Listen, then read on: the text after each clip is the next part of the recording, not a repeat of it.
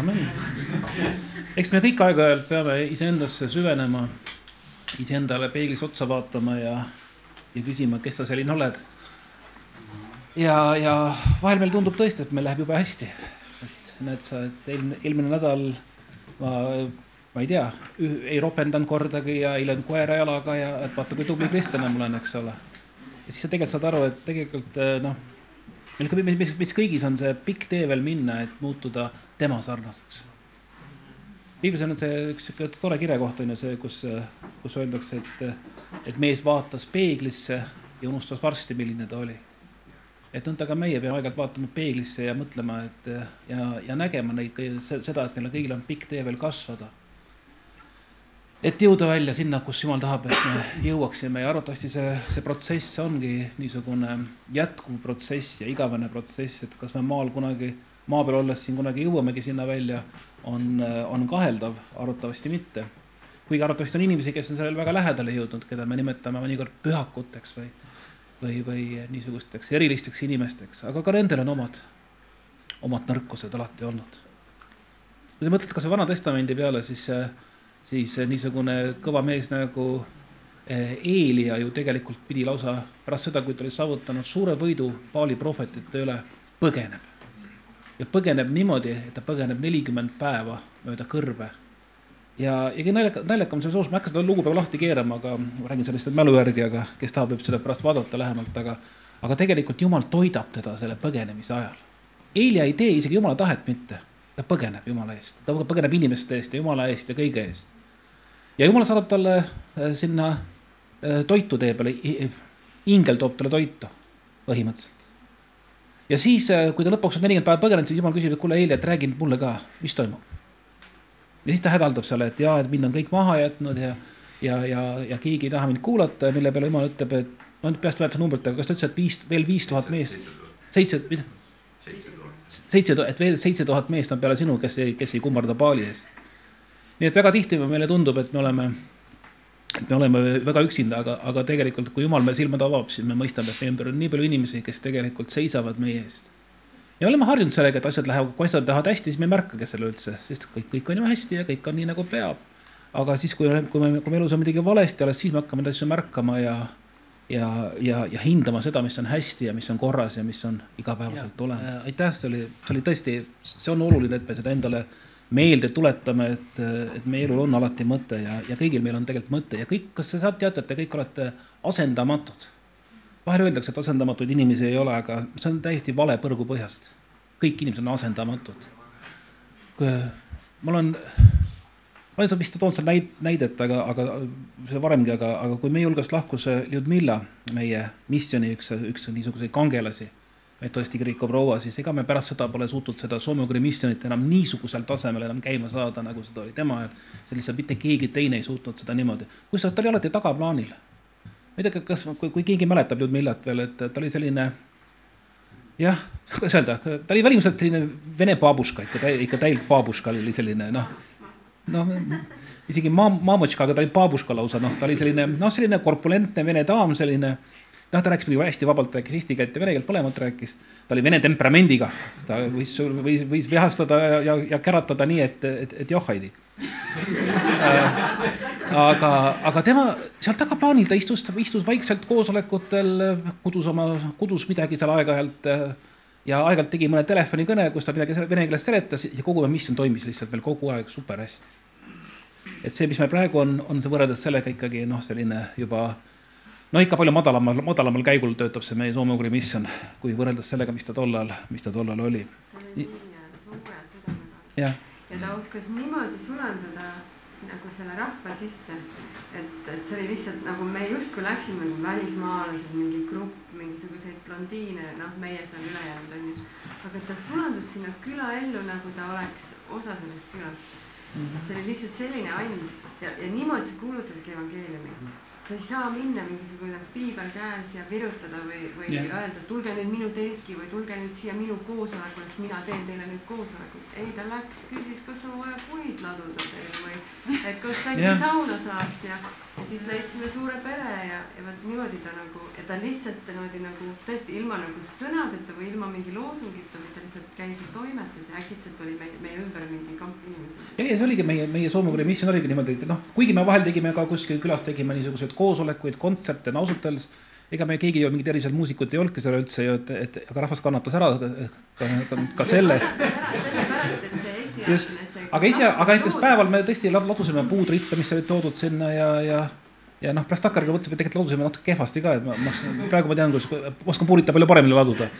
aga aga vähemalt, aga inimesed läksid mööda, märkasid ja ütlesid, et vaata kui toredad, et nad ei tule siia ainult mingit koosolekut tegema, vaid et ladusime puid ja, ja ajasime inimestega juttu ja. kustutasime tulemusi.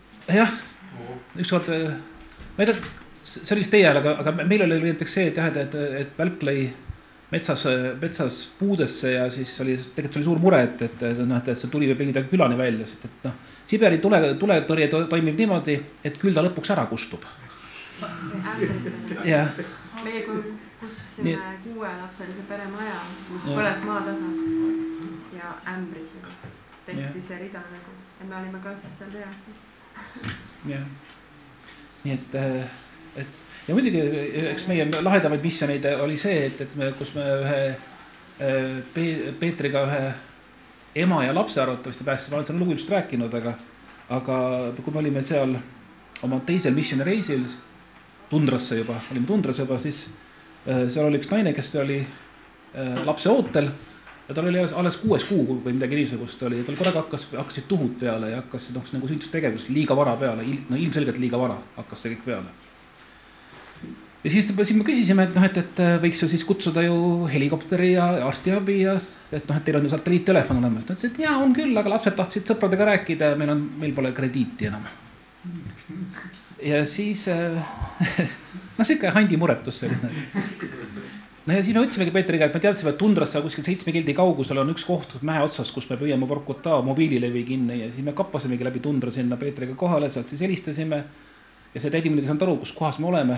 no see on see Vene üks, üks, kaks või mis ta seal oli seal neil. ja kogu aeg seletasime talle, et me oleme tundras siin ja, ja ma pakkusin talle koordinaate, pakkusin talle GPS-i koordinaate, ta ei saanud aru, mis asjad need on ja lõpuks, õnneks ta lõpuks ühendas meid otse selle helikopteri kapteniga. noh, see sai kohe aru, mis on GPS-i koordinaadid, ütles, et ma tean küll, kus see, kus see koht on ja ja kui me siis tagasi kappasime sellist seitse kilomeetrit läbi soo ja, ja muda, siis nägime juba, kuidas kopter meie pea kohal tiirutas seal ja, ja, ja maanduski lõpuks. nii et ja siis see naine võeti kaasa, viidi haiglasse ja, ja ta sünnitas õigel ajal ja laps on elus terve ja, ja ema ja, ja tegutsevad siiamaani seal tundras. poiss on tänaseks juba, kuna ta on siis juba nüüd juba kaksteist, kolmteist, neliteist või millal see oli, kui me seal käisime. nii et, et ka see on, ka see võib olla osa missionist ja see võib-olla kõneleb rohkem kui ükskõik kui pikad piiblijutused seal, seal paigas teha. Nii et jah. aga tegelikult, kui me tänase teema juurde tuleme juba, siis, siis ma tahtsin tegelikult rääkida ühest, tänase teema jutuseks on jutlus. ja no tegelikult mäejutlus üks noh, arvatavasti kõige paremaid jutlused üldse, mis on läbi ajaloo peetud, oligi Jeesuse mäejutlus, et et eh, piiblis on meil veel väga vähe taletatud Jeesuse pikki jutte, neist üks on mäejutlus ja teine on Johannese evangeeliumi viimased peatükid, kus ta räägib, räägib ka pikemalt, räägib lahti pühavaimu teemat. aga mäejutlus on just selline huvitav, et see on üks tema teenistuse algusaegade niisuguseid sõnumeid ja tegelikult eh, meie oleme võib-olla harjunud sellega ja me oleme kogu oma niisuguse lääne kultuuri ja lääne tsivilisatsiooni arvatavasti üles ehitanud võib-olla nende põhimõtete peale. aga tolleaegsetele juutidele oli see ikkagi midagi väga šokeerivat, kus Jeesus ütleb, noh, tegelikult annab mõista, et käsuõpetus üksinda ei tähenda veel midagi, kui seal taga pole südant ja sisu. Jeesus on saanud just ristitud Jordani jões, ta on läinud, läbi teinud oma kõrbe kiusatuse. ta on tulnud oma kodukülla või tähendab, et ta on asunud oma, oma kodukohas kõnelema Äh, ta on tervendanud haigeid ja nüüd siis Jeesus kogunebki siis sinna Galileasse mäe juurde, kus ta peab oma mäejutluse. kas sa käisid Iisraelis seal mäejutluse koha peal või? jah. Nii et. banaaniväljad. banaaniväljad. täpselt selle all on nagu siuksed banaanipõllud ja siis sa lähed sinna mäe otsa aga loomulikult need on, kõik need kohad on kahjuks, minu meelest kahjuks äh, igasuguseid kirikuid täis ehitatud kõikvõimalikest ajastutest ja denominatsioonidest, aga et siis vahepeal näha seda looduslikku, et ilmselt sel ajal, kui Jeesus seal rääkis, oli seal lihtsalt loodus. Sest tegelikult, eks tollal olid ju moes äh, niisugused amfiteatri moodi paigad ja Jeesuse mäetus on ilmselt samuti, et ta istub kõrgemal kohal, kus teda on kuulda äh, pisut paremini ja noh, mõtle ka selle peale, et rääkida viie tuhandele inimesele kui palju neid seal oli, eks ole. siin on nüüd rahvahulgad lihtsalt selle koha peal, aga rääkida rahva hulkadele, eks ole, ilma mikrofonita on ikkagi, sul peab olema ka hea diktsioon juba ainuüksi, et üldse kuulda oleks. Väidetavalt seal tuli mingi ulme akustika tekkima kuidagi. arvatavasti, see ongi sihuke amf-, amfi-, amfiteatri efekt tekib seal arvatavasti. me käisime Elisega Rakveres üks päev kooliõpilastega ekskursioonil ja siis me külastasime ka Rakvere teatrit ja oli naljakas kuulata, kuidas kaks näitlejat laval räägib, üks oli Ott Lepland, kes on lihtsalt laulja ja teine on Ülle Lihtfeld, räägib täpselt ühtemoodi. Lihtfeldi on kuulda viimasesse reasse Leplandi puhul, noh, sa pidid nagu pingutama, et tast aru saada, sest üks oskab näitleja moodi rääkida ja teine ei oska seda. Nii et Jeesus pidi olema samuti ääretult niisugune, see on hea näidend on, minge vaatama, tavaline ime, selles on lausa oma väike kristlik sõnum sees tegelikult Jevgeni Švartsi kirjutatud äh, lugu muusikal. aga jah, nüüd reklaamipaus sai otsa. nojah, Rakvere teater ei maksa mulle ausõna selle jah, Reis Iisraeli ja Rakvere teater, meie tänased sponsorid oleks ainult niimoodi. Lähme kogudusega Iisraeli. Lähme Rakvere teatrisse. jah mõlemad võiks ära teha. jah. aga lähe, see on siis äh, Matteuse evangeeliumi viies peatükk, kui te tahate seina peale panna siia. siis äh, arvatavasti me ei jõua kogu jutlust läbi, läbi, läbi hekseldada, sest et see on ju noh, ikkagi Jeesuse ütlus, see on niivõrd vaimulikus mõttes niivõrd rammus, et seda, et siin me võiksime juba esimest ridadest juba rääkida terveid jutluseid maha, aga hakkame vaikselt minema ja, ja vaatame seda. siin oli mõned mõtted lihtsalt, mis mul on tekkinud ja nähes rahva hulki, läks ta ülesse mäele ja kui ta oli maha istunud, miks mina pean seisma? tulid üngrid tema juurde ja ta avas oma suu ja õpetas neid. Ja, ja need kuulsad, need, need õndsaks kiitmised, et kes on need, kes on õndsad, kes on need, kes on õnnistatud. kas uus tõlge ütleb ka õndsad või? õndsad ikka jah, et see tuleb sellest, et eh, pigem, et kes on võib-olla õnnistatud, kes on Jumalale lähedased. ja õndsad on need, kes on vaimus vaesed, sest nende päralt on taevariik. ja võib-olla just, et on vaja, vahel on püütud ka seda tõlgendada, et, et, et kas selle all mõeldakse siis noh, inimesi, kes on, kes on rumalamad. Ja võib-olla ka selles on oma tõde sees, et inimene, kes võib-olla on vaimust vaesem, et ta võib-olla ei küsigi nii palju küsimusi ja tõesti võib-olla on temast seda lapselikku usaldust rohkem. aga pigem mulle tundub seda, et Jeesus ütleb ka seda, et, et kui sa saad aru, kui vähe sul on ja kui palju sul oleks vaja Jumala käest saada, siis see on see, mis sind, mis sind õnnistab. Äh, juba, juba Vana-Kreeka, eks ole, Sokrates jõudis niisugusele tulemuseni, et ma tean, et ma mitte midagi ei tea. Ja mida, mida targemaks sa saad, seda rohkem sa mõistad, kui vähe sa tegelikult tead, kui vähe sa asjadest aru saad tegelikult ja samamoodi on ju ka vaimulikus mõttes, et, et noh, võib-olla meile vahel tundub, et jess, et ma oskan juba palvetada ja, ja oskan, ja jumal vastab palvetele ja hullult äge on ja, ja kirikus ma ikka laulan kõva, kõvasti ja valesti ja, ja, ja, ja, ja, ja mida iganes ma, eks ole, kõike teen, et jumal peaks minuga ilgelt rahul olema nüüd.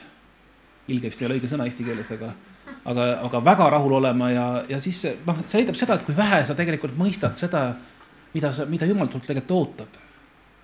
Jumal, see, see pole kumb, noh, see ongi see, et peame esimese lause juurde, sest tegelikult tuleb terve ütlus juba, aga aga tegelikult Jumal ei oota sult ju seda, et sa lihtsalt käid pühapäeviti kirikus.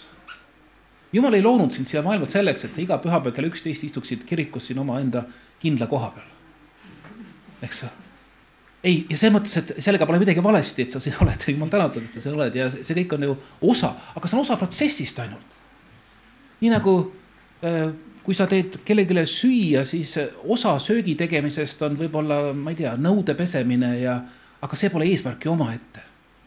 osa, kartuli koorimine on, on osa söögi tegemisest, aga see pole söögi tegemise eesmärk.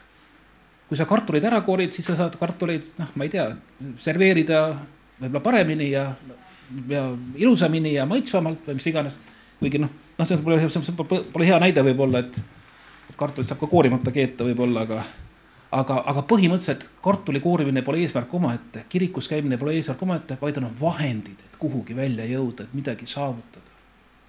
ja nii on ka kirikus käimine vahend selleks, et kogeda, kogeda Jumalat, kogeda midagi uut. ja, ja, ja veelgi enam, anda midagi kogeda teistele, kes on sinu ümber. peegeldada seda valgust, mida Jumal sulle näitab. me kõik oleme peegel, meis enda, meie enda sees ei ole seda valgust, vaid me saame anda, anda edasi seda, mida Jumal on meile andnud kui, kui, kui kedagi, kui me palume kellegi tervise pärast, siis isegi kui me oleme edukad selles ja tihtipeale me oleme edukad terve, palatades tervise pärast, siis meie iseenesest ei tervenda ju mitte kedagi. jumala vägi lihtsalt voolab meie läbi. Siin praegu just lastekirikus lõikasime kääridega mingeid asju välja, käärid ju ei lõika ise mitte midagi, vaid see, kes neid kääre käes hoiab ja juhib neid kääre, see on see, kes need lõik- ja kääridega saab paberit lõigata ju palju ilusamini kui lihtsalt teda kuidagi käristades aga, aga käärid ise ei lõika midagi. õndsad on, õndsad on kurvad, sest neid lohutatakse. ja võib-olla selle kurbuse all jällegi siin ei mõelda lihtsalt niisugust depressiivsust, vaid, vaid tegelikult äh, tihtipeale kurbus tekib ka sellest, et kui sa näed seda äh, puudulikku maailma enda ümber. ja kõige naljakam on see, et inimesed, kes kõige rohkem teevad nalja äh,, tihti kõige rohkem kogevadki seda sisemist kurbust on päris palju neid, kes on olnud koomikud, kes tegelikult on sisemiselt täiesti katkised inimesed olnud. Robin Williams, eks ole, kes teeb enesetapu. ja küllap on neid ka teisi, seesama, kes ma rääkisin teile, Jevgeni Švarts kirjutanud hästi palju niisuguseid humoorikaid sooja lugusid, kes ise oli noh, selline noh, tema kohta öeldakse, et ta iga kord, kui ta esietendus oli, ta oli veendunud, et kõik inimesed tulevad sinna kohale, et tema üle naerda, et tema üle irvitada, kui, kui, kui kehva asja ta jälle kirjutanud on ta oli isegi oma sõprade peale vihased, et nad tulid tema esietendusele, et nojah, nad tahavad mulle naerda, et ma jälle, jälle mingi käki kokku keerasin. ja iga kord võeti tema etendused vastu niisuguse meeletu noh, menuga. Kusjuures ta veel kirjutas tegelikult veel Stalini ajal, nii kirjutas, et ta pidi olema väga ettevaatlik, sest tegelikult oma lugudes ta väga palju irvitab just niisuguse äh, totalitaarse korra üle. tegelikult on ta, eesti keeles on ta raamatutega välja antud, lugege, Jevgeni Švartsil on tore näidend on Draakon näiteks, seesama see tavaline ime.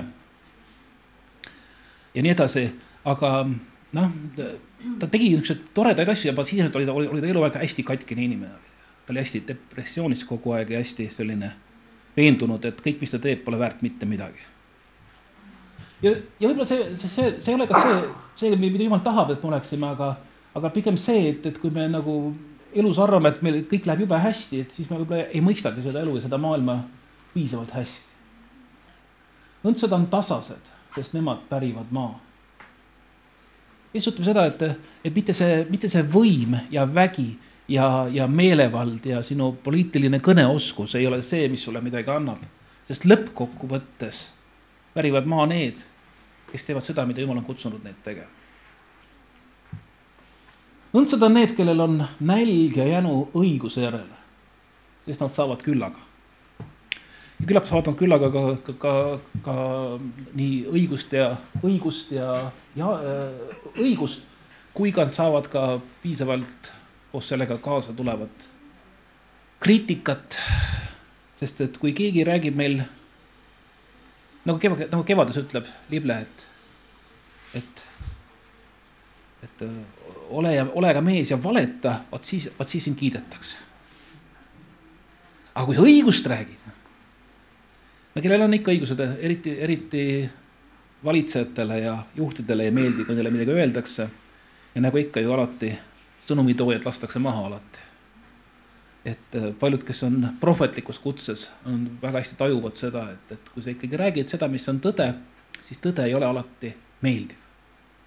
me näeme läbi piibli korduvalt prohveteid, kes annavad oma elu selle eest, et nad räägivad seda, mis on tõde. no ma ei tea, Rist ja Johannes, eks ole, kes kes kuulutab kuningale tõde, kes ütleb, et äh, ta elab pettuses ja vales ja liiderlikkuses, selle eest maksab oma peaga. ja no me teame ka neid, ka, ka paljusid teisi. Apostlitest ju mitte ükski peale Johannese arvatavasti meile teadaolevalt ei lõpetanud oma elu loomuliku surmaga, nad kõik ühel või teisel viisil hukati. ainult Johannes väidetavalt siis suri kõrges eas äh, Patmose saarel. õndsad on halastajad, sest nende, jah, õiges kohas jah, kes, sest nende peale halastatakse. Kui sa tahad, see noh, see on ikka see vana printsiip, et mida sa külvad, seda sa lõikad, mida sa annad, seda sulle antakse tagasi. Ja võib-olla isegi mitte tingimata selles elus, vaid, vaid, vaid mulle vahel tundub, et me teeme head või teeme õiget asja ja meid mõistetakse hukka selle eest või, või, või karistatakse selle eest. Ja, ja meile tundub, et me ei saagi mingit, mingit tulemust kätte, siis tegelikult äh, on selline asi nagu taevane pangaarve, kus koguneb meile. mäletate, see on see koht, mille kohta öeldakse, ütleb Jeesus, et pange sinna, kus koi ei näri ja rooste ei riku. või rooste ei näri ja koi ei riku, kumma pidi see oli? vahet ei ole. igal juhul tänapäeval, kui sa paned raha panka, siis äh, siis kui sa hästi vaikselt õhtul kuulad, sa võid kuulata mingit järamist seal. see on, see on inflatsioon, mis su raha järab kogu aeg. jah, hiirtega, hiirtega saab veel jagu kuidagi, aga inflatsioon ja kui ja meie inflatsioon on praegu ju selles mõttes ikkagi meeletu. mina mäletan seda aega veel, kui lastele anti viis eurot kaasa, kui nad sünnipäeval läksid.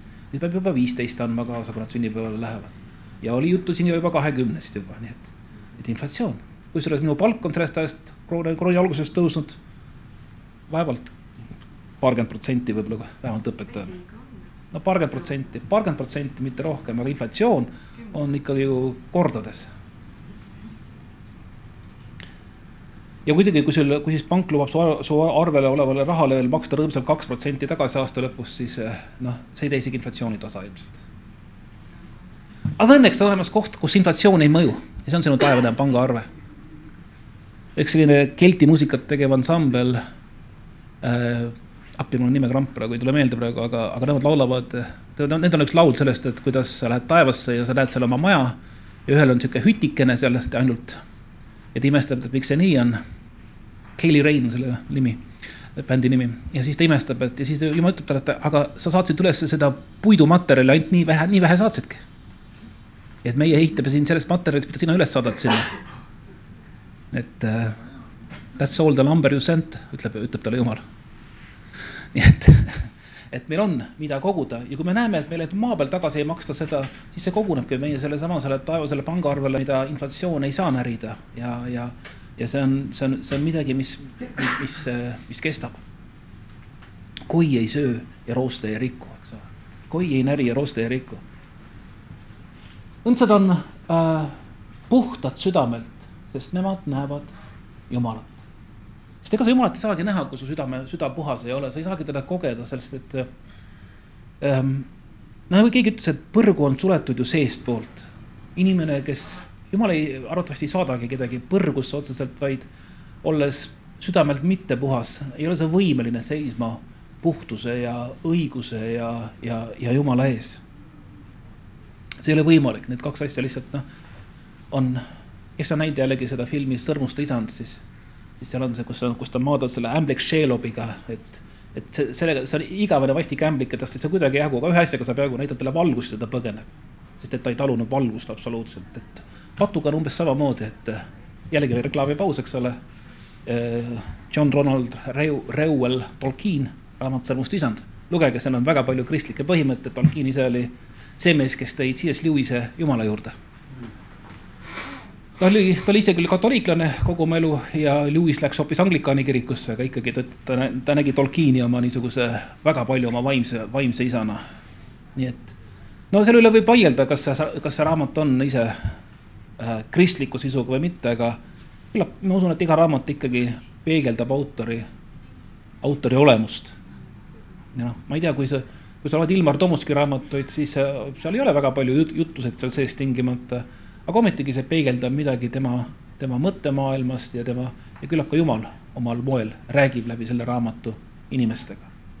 Ilmar ise ütles kunagi, et ühel raamatu tutvustusel, et tema eesmärk ei olegi kirjutada jutluseid sinna sisse niivõrd, kuivõrd näidata normaalsete inimeste elu.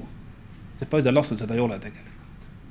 kus on ise, kus vanemad võivad suhelda normaalselt iseenda ja, mitte iseenda, omavahel tahtsin öelda ja, ja oma, oma, oma laste, vahel tuleb ka iseendaga võib-olla suhelda, aga, aga, aga omavahel ja oma lastega, et ka see on omaette, omaette juba, juba evangeeliumi näidata, et maailmas võivad asjad olla natuke paremini, kui nad siin tegelikult on.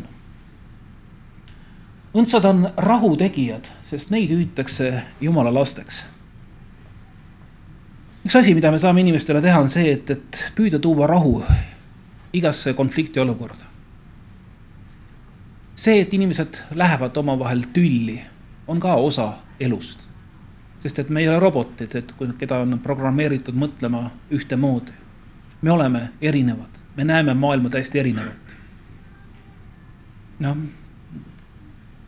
võib-olla me üldse märkame erinevaid detaile, mis, mida, mida keegi märkab üldse, näiteks võib-olla arvud inimesed märkavad arve ja korda.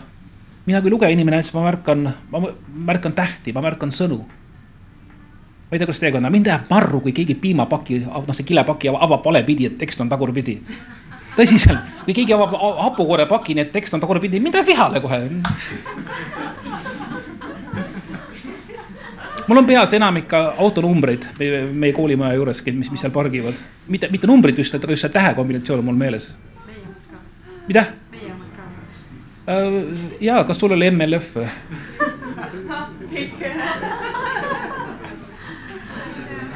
jah. nii et, jah aga see tähendab seda, et kus sa arvatavasti enamik inimesi ei, ei, ei märka, mis tähendab seda, et jumal on meid loonud nägema seda maailma erinevalt kellel on õigus, mitte ke, kellelgi pole õigust, et selle koha pealt ei ole ühte tõde, et me kõik näeme, märkame erinevaid asju. keegi tuleb siia ruumi. mina märkan raamatuid arvatavasti kõigepealt esimese asjana, kui ma tulen siia ruumi.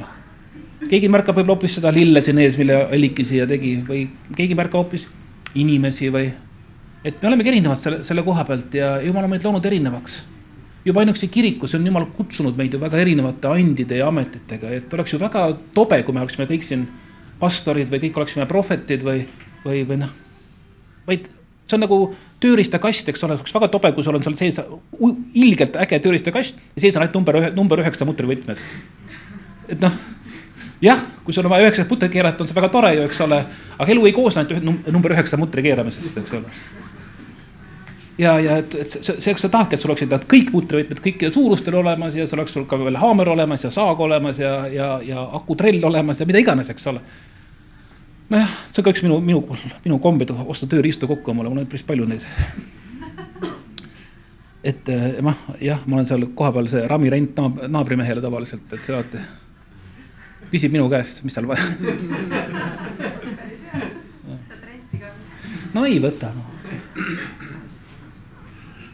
Aga tema lubab mul jällegi oma suitsuahju kasutada, nii et no õndsad on need, keda õiguse pärast taga kiusatakse, sest nende päralt on taevariik. ja sa mõtledki kogu aeg-ajalt, et no mida värki, ma ju tegin õieti, ma käitusin õieti, ma ütlesin õieti. ja ometigi näed sa, keegi ei ütle aitäh selle eest, kõik sõimavad mind ainult selle eest. aga jällegi, midagi on sinu pangaarvel hoopistükkis läinud selle eest.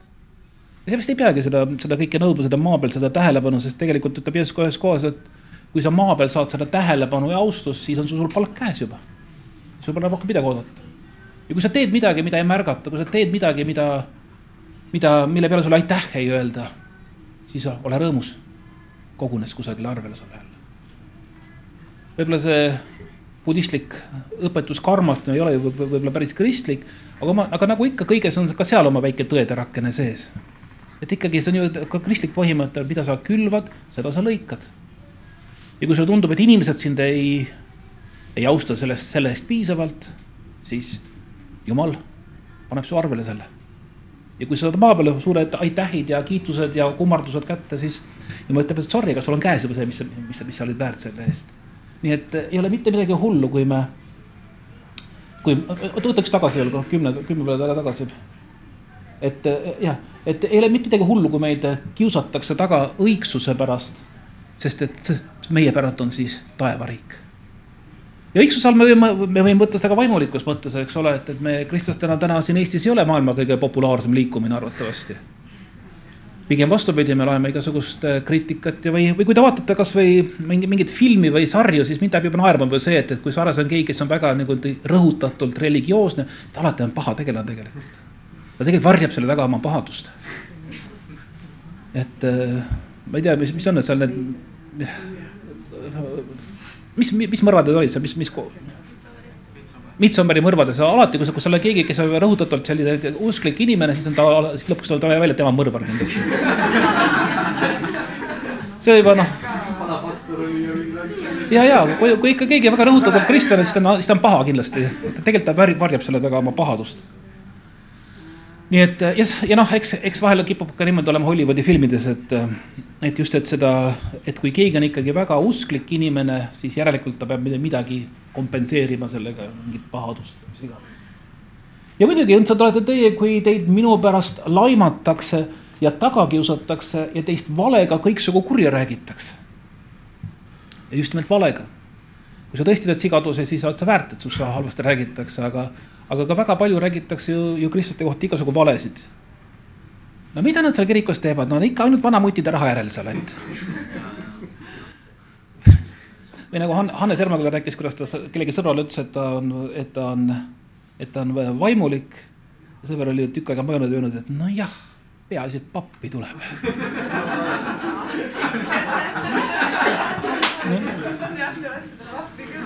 aga jah, et ega Eestis, Eestis kirikutööga sa ikka seda pappi sa oled ise papp, aga, aga, aga seda pappi tuleb sulle vähe seal.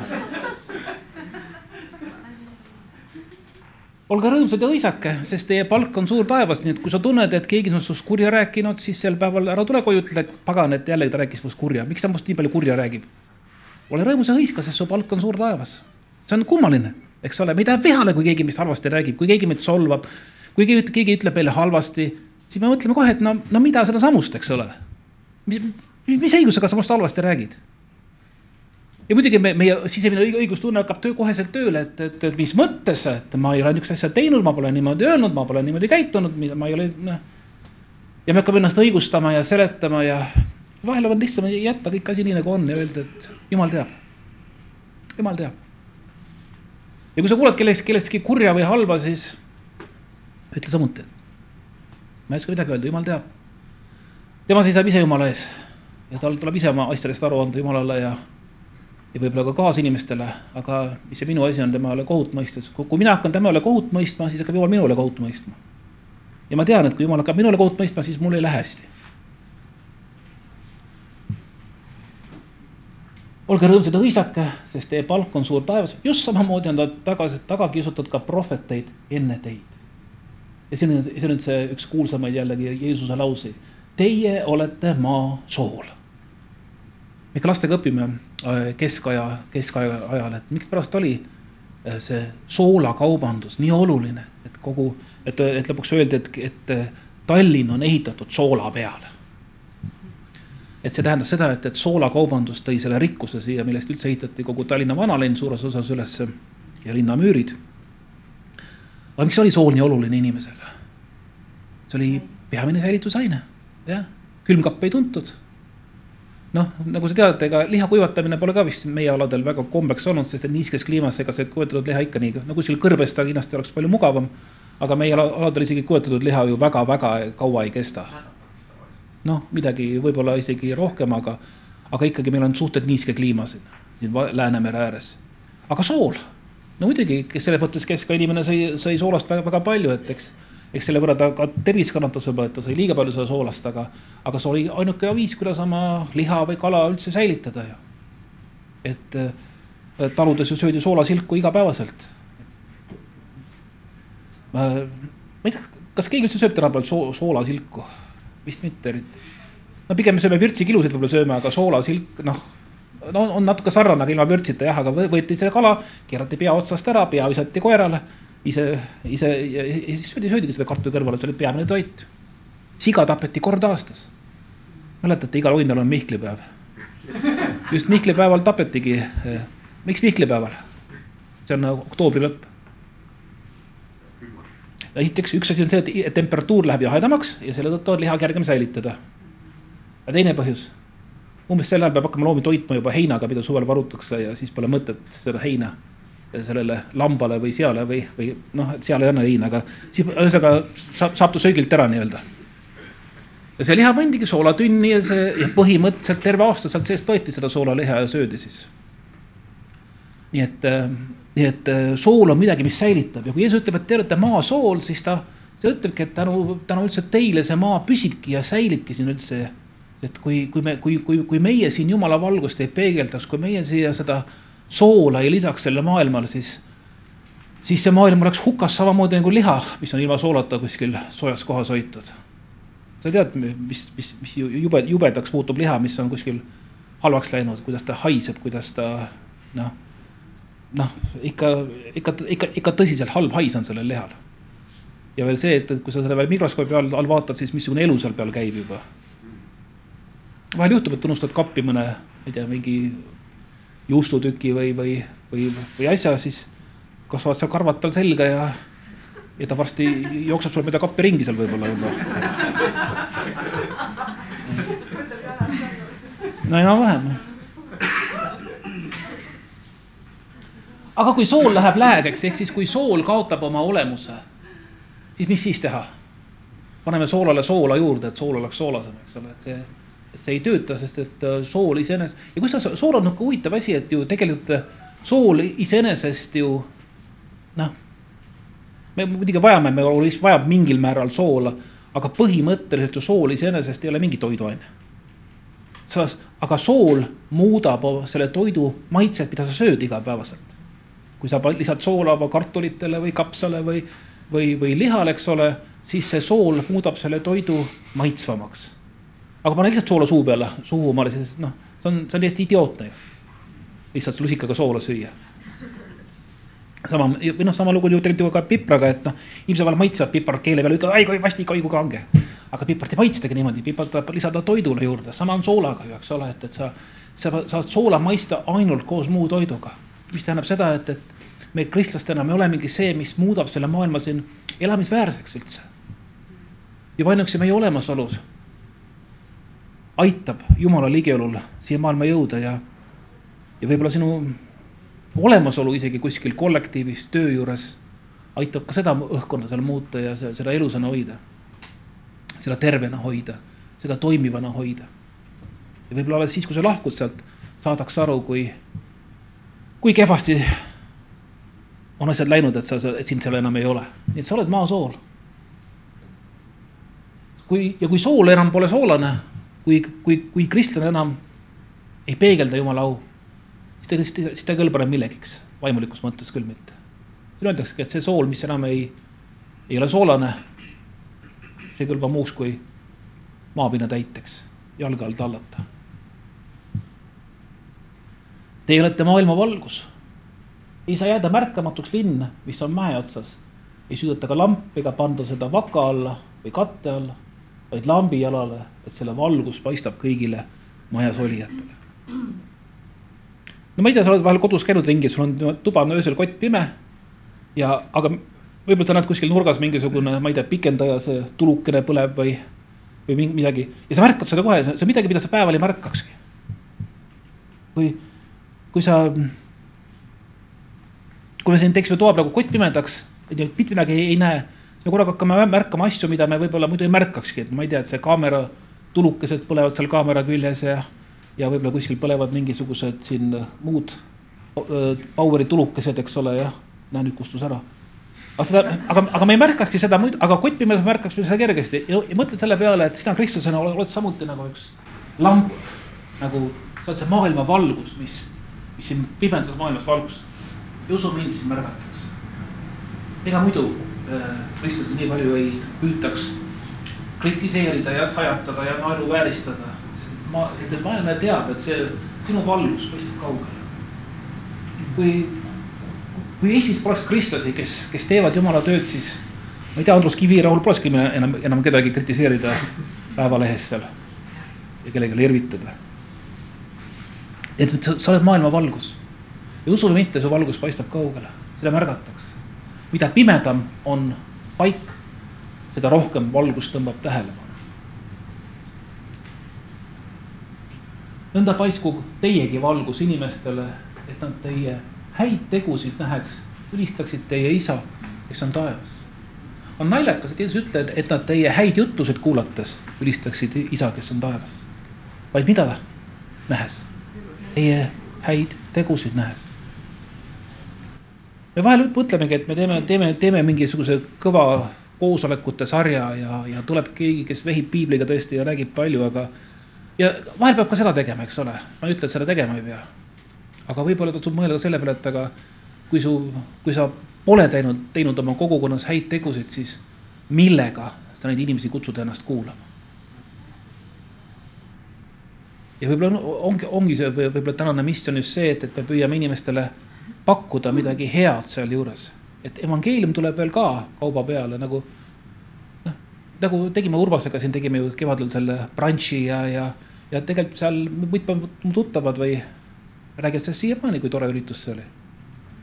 ja nad said seal evangeeliumit kuulda ja, ja, ja nad ja kõik ütlesid kõige rohkem seda, et neile meeldis see, et, et see oli niisugune üritus, kus neile midagi ei sunnitud peale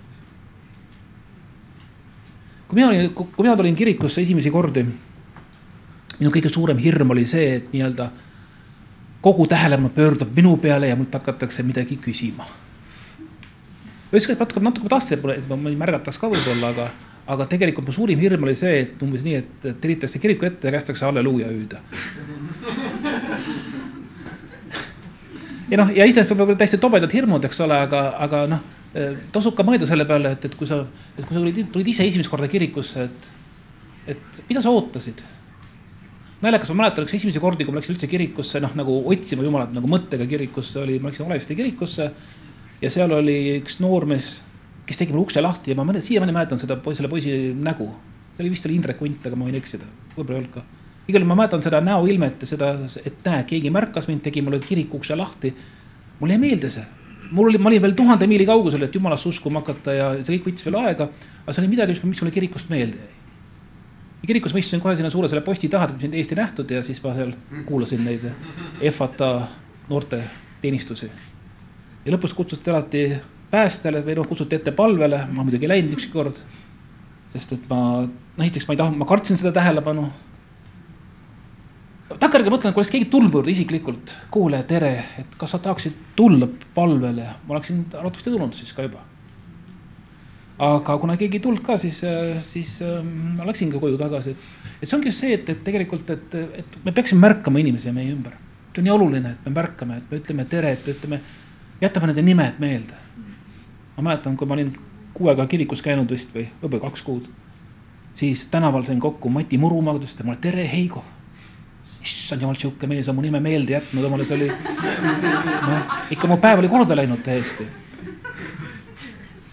ma tean seda, et kui raske on vahel nimesid meelde, et minul on raske nimesid meelde jätta. ma, nagu ma ütlesin, et kui ma näeks su nime kirjutatult, mul jääb ta meelde. aga kui ma kuulen teda, siis ma ei pruugi seda meelde jätta. et võib-olla, kas kirikusse nimesilte kandma hakkama? kord kuus võiks teha jah, näiteks võib-olla mõne puhul sa ei, sa ei, sa ei, sa ei tea isegi perekonnanime tal ei tea võib-olla, hea on, kui eesnime tead et. käes. jah, võib-olla vahel peakski seda tegema. aga noh, okei okay,, et noh, see on, see on üks viis, aga, aga just see, et me märkame kedagi, et, et kui, kui meil on kirikus on uus inimene, et siis siis me ei tohi teda ignoda lihtsalt, et ta, ühest küljest ta natuke kardab tähelepanu, me ei pea teda kutsuma kogu kiriku ette, tulge vaadake, siin on uus inimene nüüd, eks ole. nüüd kõik naeratage, lehvitage talle, eks ole. aga samas, kui meil teenistus lõpeb, et siis võiks temaga ikka ju vähegi juttu ajada, tere, kes sa oled, kuidas läheb, mis teed, mis tahtsid okei okay,, selle viimast ei pea ütlema. aga, aga, aga me märkaks teda ja, ja ma ütlen sulle seda, et, et see on see, mis inimesed, mida inimesed märkavad ja meelde jätavad. arvatavasti ta on, ta paari nädala pärast ei mäleta jutusest mitte tuhkagi enam, mida ta siin kuulas. aga ta mäletab neid inimesi, kes temaga rääkisid, suhtlesid ja ega need jutused tihtipeale ei pea ju ka olema niisugused ähm, ülikeerulised, et äh, mina mäletan siiamaani jutused, mida Mati Murumaa tegi kirikus tookord, ta lihtsalt jutustas piiblilugusid ümber. aga noh, näitlejana ta oskas tõesti niimoodi jutustada, et sul oli, mul on siiamaani meeles, kuidas ta räägib seda lugu, kuidas äh, äh, väeülem, kes tuli, kes oli pidalitõbine, ennast sinna jõkke kastis ja, ja need noh, rääkisid lugusid ja mulle ei jäänud meelde kohe, sest et äh, noh, need lood jäävad inimesele paremini meelde kui mingisugune äh, viis punkti, kuidas rikkaks saada või noh, okei okay,, mis iganes, eks ole, et, et kuidas edu, edukas olla elus. et neid, neid me näeme nagunii igal pool juba. kus me oleme meie ütlusega? jah, sest et nõnda paisku ka teie valgus inimestele, et nad teie häid tegusid, häid ütlusi on ka vaja, aga, aga head teod võib-olla jäävad rohkem meelde. just see, et sa märkad kedagi, et sa räägid temaga ja, ja, ja ütled talle kasvõi tere ja, ja noh, ja kui sa veel ta nime mäletad järgmine kord, siis on juba noh, tõsiselt see, see, see mõjutab, usu mind. Jeesus ütlebki siin seda, et, et ta ei ole tulnud prohveteid ega seadust tühistama, vaid pigem täitma sest läbi noh, nagu ikka, me vahel mõtleme, et Vana Testament on niisugune keeruline raamat, kus on palju niisuguseid lugusid sees ja et noh, tänapäeval me ju ei pea enam, ma ei tea, ohverdama või tuli keegi lehm nööri otsast täna kirikusse. Et ilmselt, ilmselt mitte. või kui oleks ka lehm kaasas, siis ausalt öeldes, ega ma ei oskaks talle midagi peale hakata siin täna. paluksime sul viisakalt see lehm koju tagasi et, et ma arvatavasti siin pealegi meie üüriandja saaks väga pahaseks, kui ma hakkaks siin, hakkaksime siin lehma verd laskma siin praegu. et, et jah, ja pealegi ma, pigem on ka veel see, et ikka, et jumal ka seda ei taha, aga see ei tähenda, et see just, et see, see, mis oli tol ajal füüsiline, et see täna vaimselt ei toimiks sest nüüd on Jeesus ükskord ja lõplikult oma vere meie eest valanud ja me tõesti, meil ei ole vähimatki vajadust seda lehma siia vedada, sest Jeesus on maksnud selle hinna juba ära meie eest ja mingis mõttes tema veri vaimses mõttes voolab ka veel täna edasi. ja ta ikka veel voolab ja ikka ta, see tema ohverdus toimib ja töötab ja peseb ja puhastab meid. ja seetõttu Vana Testament ei ole kuskil tühistatud, lihtsalt ta on uues vormis, läheb edasi läinud. Vana Testamenti kohta öeldakse vahel, et ta on Uue Testamendi nagu vari, nagu skelett. nii nagu me aru saame, et, et ka inimese skelett on hästi oluline tema jaoks, kui sul poleks sees skeletti, sa kukuksid kokku praegu, eks ole aga inimene ei ole ainult skelett, vaid seal peal on veel luud ja, tähendab luude peal on veel liha ja kõõlused ja, ja veel kõige rohkem see, et tema sees on see mõistus ja hing ja vaim ja kõik, kõik kokku, et see kõik kokku teebki ühe inimese. ja nõnda on ka siis see, et Uus ja Vana Testament täiustavad üksteist. Üks ilma teiseta ei, ei, ei toimi, nad vajavad üksteist. üks annab selle luu, luukere ja teine selle sinna peale liha. nii nagu luuker ilma lihata ei, ei ole inimene, ei ole ka inimene ilma luudeta inimene, ei saaks toimida nii et mõlemaid on vaja. ja nõnda on ka Vana Testament loob sisu ja, ja, ja niisuguse vaimu Uuele Testamendile. jah, me ei pea enam lehma ohverdama, jah, me ei pea enam patuseid tapma või maha lööma, aga see vaimne suhtumine on ikka sama.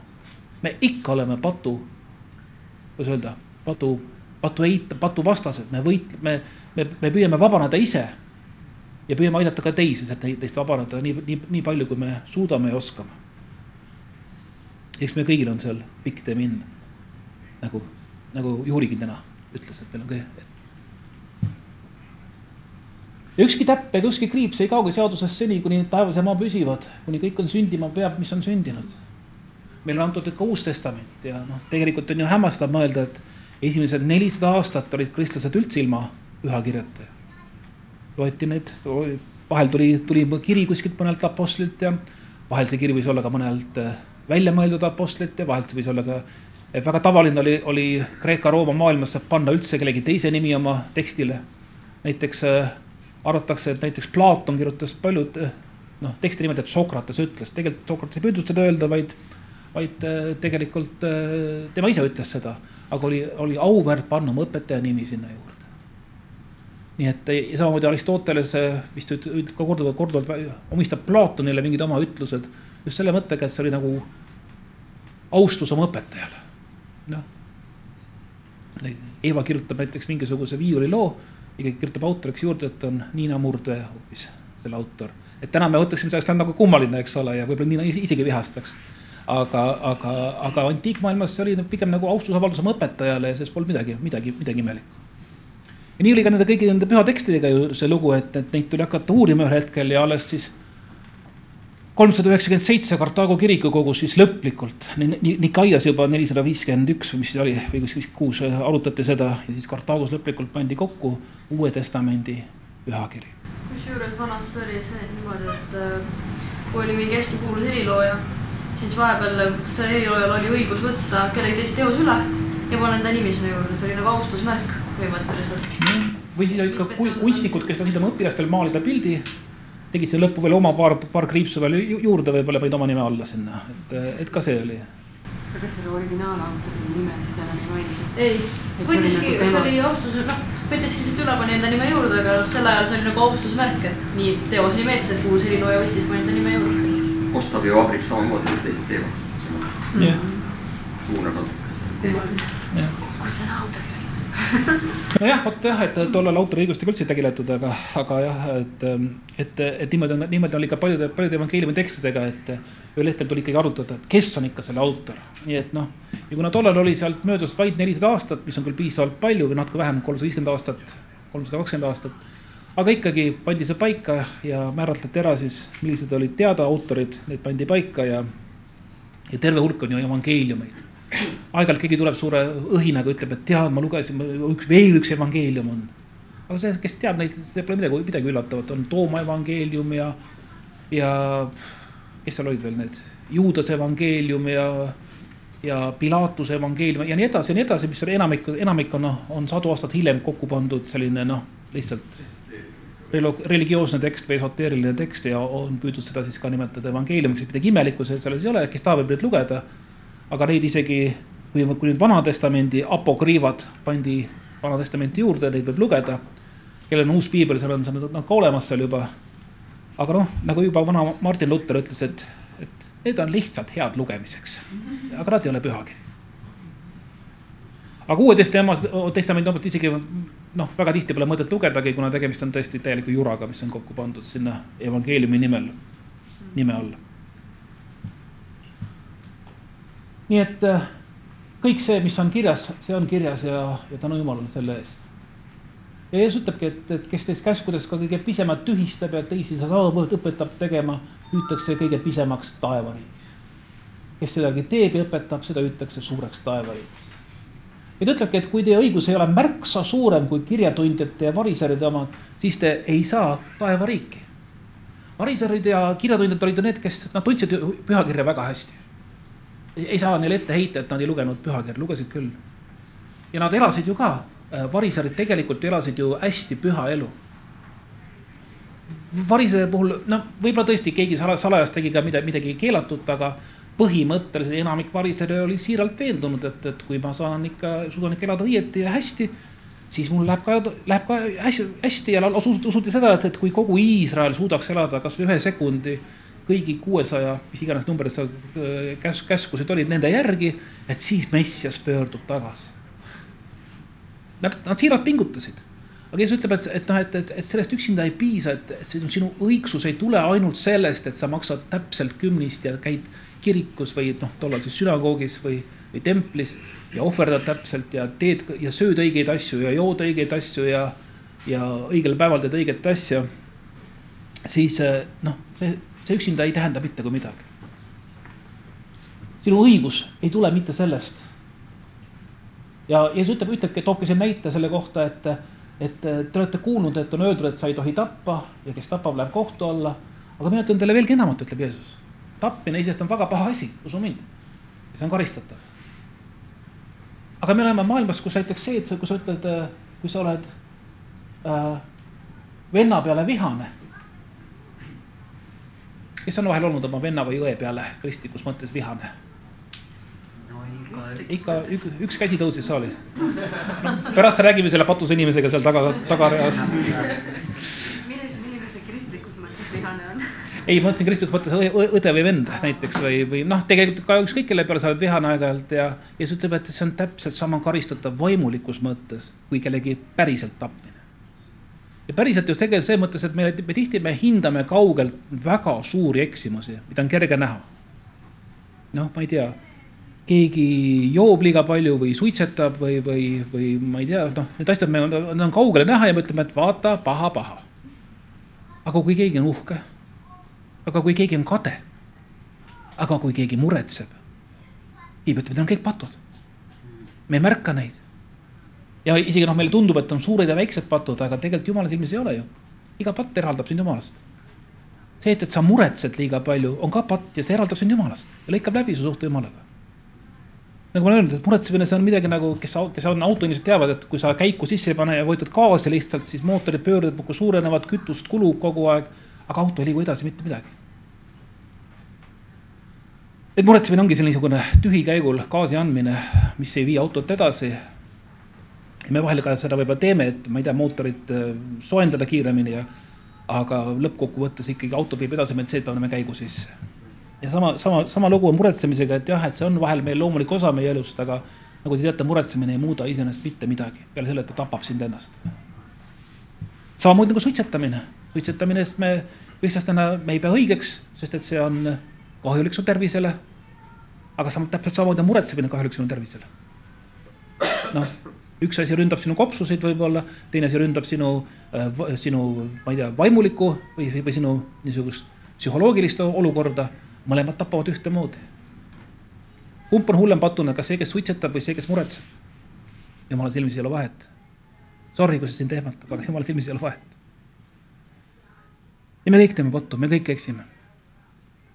mulle tundub seda, et, et siitpoolt me võiksime järgmine kord edasi minna, et, et võib-olla kui me selle teema lõpetame, et, et ütlebki, et, et kui sa ütled vennale tola, lähed ülemkohtu alla, kes ütleb sa jäle, sellise vanas, vanas tõlkes oli see raka sinna toodud selline noh, halb sõna, mida sai kellegi kohta öelda. pead minema tulepõrgus, sest et see, et sa oled kellegi peale vihane ja solvad teda, see lõikab su ära jumalast. kui sa enda ohvrendide altarile tood ja sul tuleb meelde, su vennal on midagi su vastu, siis jäta oma hind altari ette mine lepi esmalt ära oma vennaga. Alles siis tule ja too oma hind. ja nüüd ütleb, ütleb Jeesus selle peale veel, asi läheb järjest hullemaks ole varmalt, ole kiirelt järeleandlik oma vastusele, kui sa oled tema teel. et sinu vastane sind ennast kohtuniku kätte. jällegi, kohtunike all ta ei mõtle maist kohtunikku. ja no tegelikult noh, noh kogu see lugu läheb, läheb, läheb selles mõttes edasi, et, et Jeesus ütleb, et kui, kui Vana Testament ütleb, et sa ei tohi seda teha, mis on see füüsiline seadus, aga kui sa teed seda mõttes, siis on see tulemus ju täpselt sama. see lõikab sind ära Jumalast, ära tee seda ole vahel järeleandlik oma vastasele ka ja anna talle järele ja, ja kui ta saabki sult sinu nii-öelda viis eurot sult ära varastada, olgu ta rõõmus selle üle ja kasutagu seda targalt. sest et Jumal pani sinu taevasele pangaarvele, ma ei tea, viissada miljonit selle eest sulle juurde. usu mind, nii et sul ei tasu hakata seda viit, viite või, või, või isegi noh, mis iganes summadest me räägime siin maa peal, maa, maa peal või noh, ma ei mõtle ainult rahaliselt, ma mõtlen keegi sind on ära kasutanud, keegi sult on midagi sult kasu saanud, nii et ta pole sulle midagi vastu andnud, siis ole rõõmus, see läks sinu taevasele pangaarvele. no ma arvan, et meil on siin, mille üle mõtelda ja sellega ma võib-olla lõpetan selle meie esimese osa mäejutu, sest võib-olla kui jumal annab ja elame, siis räägime kunagi edasi selle, selle koha pealt. aga praegu hetkeks võtame aega, et palvetada issand, me täname sind tõesti nende sinu sõnade eest, millega sa oled meid õpetanud. ja palume tõesti, et need sõnad, millega sa oled meid õpetanud, et need võiksid meie elus tõsiselt vilja kanda. et me võiksime reaalselt nende järele elada. et me võiksime reaalselt neid oma elus rakendada praktiliselt igapäevaselt. Ja oleme palume, et, et see, mis me siin loeme su sõnast, et see oleks ainult see, mida me, mille peale me pühapäeval aamen ütleme, vaid et see oleks midagi, mis meie elus tõesti vilja kannaks ja muudaks meid ja, ja aitaks sellel sinu valgusel paista siin maa peal nagu tulel, mis on kõrges kohas, nagu linnal, mis on mäe otsas, et see võiks paista kaugele meie elust. ja anna meile andeks, Jumal, kui me oleme seda kõike varjanud oma, omaenda isekuse ja omaenda pimedusega. Aita, Jumal, et see võiks paista meie seast kaugele. aita meil, Jumal, meelt parandada ja jälle olla sinu valgus ja paista kaugele. palume sult seda Jeesuse nimel